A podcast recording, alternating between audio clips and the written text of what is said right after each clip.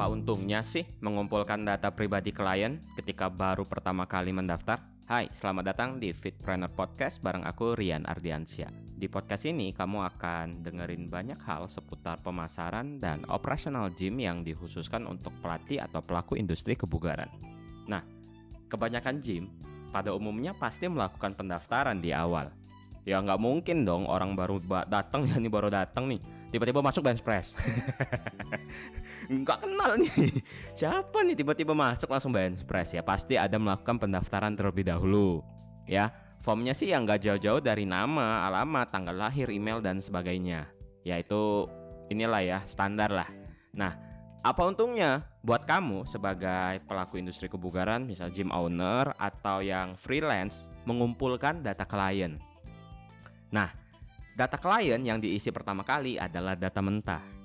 Ya namanya mentah nggak bisa dimakan. Emang eh ada aja ya buah yang bisa buah yang bisa makan mentah ya. Ya ngapain ngomongin buah nih? eh lanjut lanjut lanjut lanjut. Tidak berarti ya, tidak berarti maksudnya data mentah itu tidak berarti apa-apa jika kamu tidak pakai atau tidak olah. Nah, emangnya data klien itu bisa dipakai buat apa aja? Oke, kita mulai dari tanggal lahir deh. Ketika klienmu sudah isi ya tanggal lahir, berarti kan kamu tahu ya tanggal lahirnya berapa. Berarti kamu tahu berapa umurnya. Minimal kamu tahu kira-kira enaknya manggilnya apa nih. Bisa manggil nama, bisa manggil mbak atau ya apa pun itu, terserah.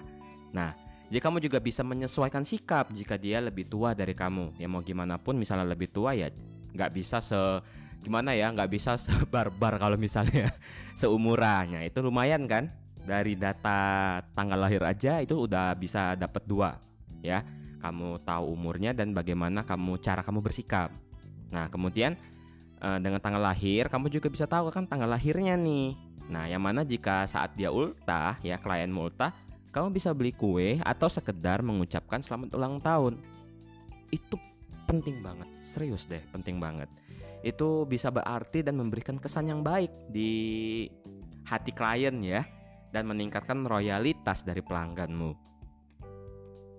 Ini luar biasa sih. Ketika royalitas meningkat ya mereka nggak akan segan-segan buat uh, istilahnya merekomendasikan jasa kamu ke teman-temannya atau keluarganya. Jadi kan mantap banget kan. Kemudian biasanya kan di form juga ada nomor telepon. Nah, nomor telepon tuh bisa kamu gunakan nantinya untuk terus menjalin hubungan. Jangan juga hai lagi apa? Waduh. Eh, ini ngapain sih? Bukan, bukan begitu. Maksudnya menjalin hubungan itu gini ya. Kamu bisa sekedar menyapa. Ya nggak nggak lagi nggak juga lagi ngapa. Maksudnya, halo mbak apa kabar? Udah lama nggak kelihatan. Gimana masih olahraga nggak itu boleh. Atau aku sih jarang sih ya kalau yang kayak gitu ya. Biasanya aku tuh langsung kayak uh, nge-share artikel. Jadi kan aku buat blog ya belajardiet.com. Jadi ya aku biasa nulis sama Arsinar juga di sana kita sering share. Nah, kita share aja secara rutin. Biasanya kita share di hari Selasa. Nah kita share artikel, urusan dibaca atau enggak yaitu nomor belakang paling enggak kita tuh memberikan mereka benefit ya. Jadi itu kayak menjalin hubungan terus walaupun itu posisinya walaupun klien kita ada beberapa yang enggak latihan lagi tapi kita terus kirim. Tapi juga kita kasih note kalau misalnya keberatan untuk dikirim ya tinggal dikasih tahu. Nanti kita list supaya nggak dikirim lagi dan itu wajar ya. Nah konsep seperti ini adalah konsep menjalin hubungan jangka panjang Nah, hubungan jangka panjang harus kita jaga karena siapa tahu nantinya ketika klien lamamu yang udah nggak latihan ingin berolahraga lagi, ya kamu yang dicari pertama kali. Istilahnya brand kamu tuh udah jadi top of mindnya mereka. Oke? Nah, misalnya lagi selanjutnya ya. Tadi tanggal lahir udah, nomor telepon udah. Nah, bisa juga salah satu formnya tuh akun Instagram. Ngapain nih? Biar bisa follow ya. Ya salah satunya itu juga. bisa saling follow-followan. Nah, lewat akun Instagram, kamu tuh bisa share footage latihan dan bisa mention Instagram klien kamu. Nah, the power of mention itu tuh bagus banget sih, ya. Bagus banget. Jadi juga ketika kamu sudah tahu duluan ya, udah tahu duluan nih akun Instagramnya apa, kan nggak mesti Mas Mbak akun Instagramnya apa mau tak share. Menurutmu itu awkward banget nggak sih? Kalau aku awkward banget. nanyain Instagram orang tuh kayak aneh banget. Jadi kalau misalnya mereka sudah melakukan pendaftaran terlebih dahulu kan enak ya. Kamu kan udah dapet nih poinnya. Oke, akun Instagramnya ini. Nah, kamu tinggal mention aja. Kan?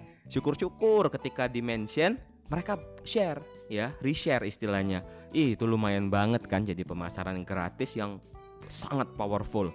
Menurutku nggak ada yang lebih powerful selain iklan ya. Itu adalah mentionan uh, istilahnya reshare dari akun Instagram yang kita mention. Wah, itu luar biasa.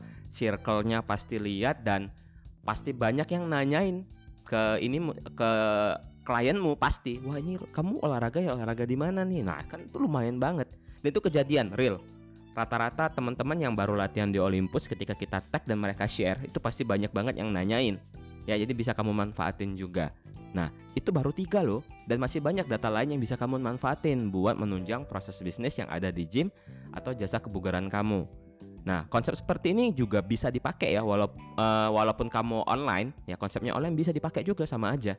Bukan berarti harus offline yang ada bangunannya, enggak. Online juga bisa kok harusnya. Paling enggak ketika kamu share footage di Zoom misalnya kan, uh, klienmu sharing ya, reshare, ada orang lain yang lihat. Kan itu lumayan langkah pemasaran yang murah, bahkan gratis ya jatuhnya. Gratis tapi super powerful. Nah, kreativitas kamu untuk menggunakan data yang klien berikan itu sangat diperlukan.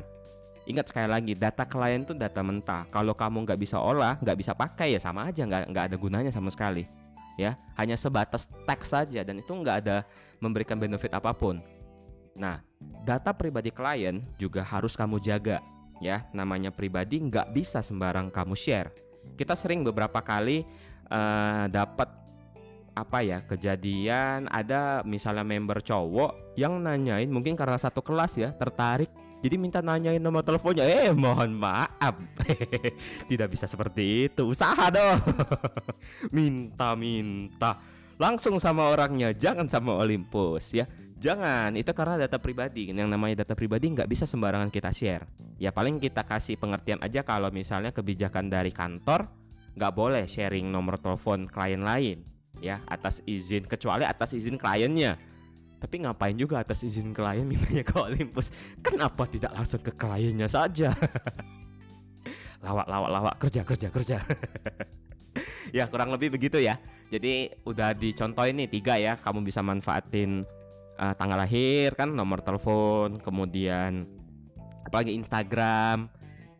Apalagi ya banyak ya. Kayak alamat juga bisa. Alamat nanti buat apa ya? Kamu bisa jadi sebagai pertimbangan apakah campaign kamu tuh sesuai. Misalnya gini-gini.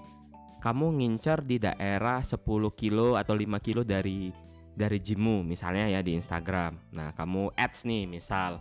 Nah, kan dari dari misalnya klien pendaft mendaftar kan kasih alamat tuh. Nah, kira-kira kamu cek, kamu list kira-kira yang menjadi klien sesuai nggak dengan yang kamu campaign.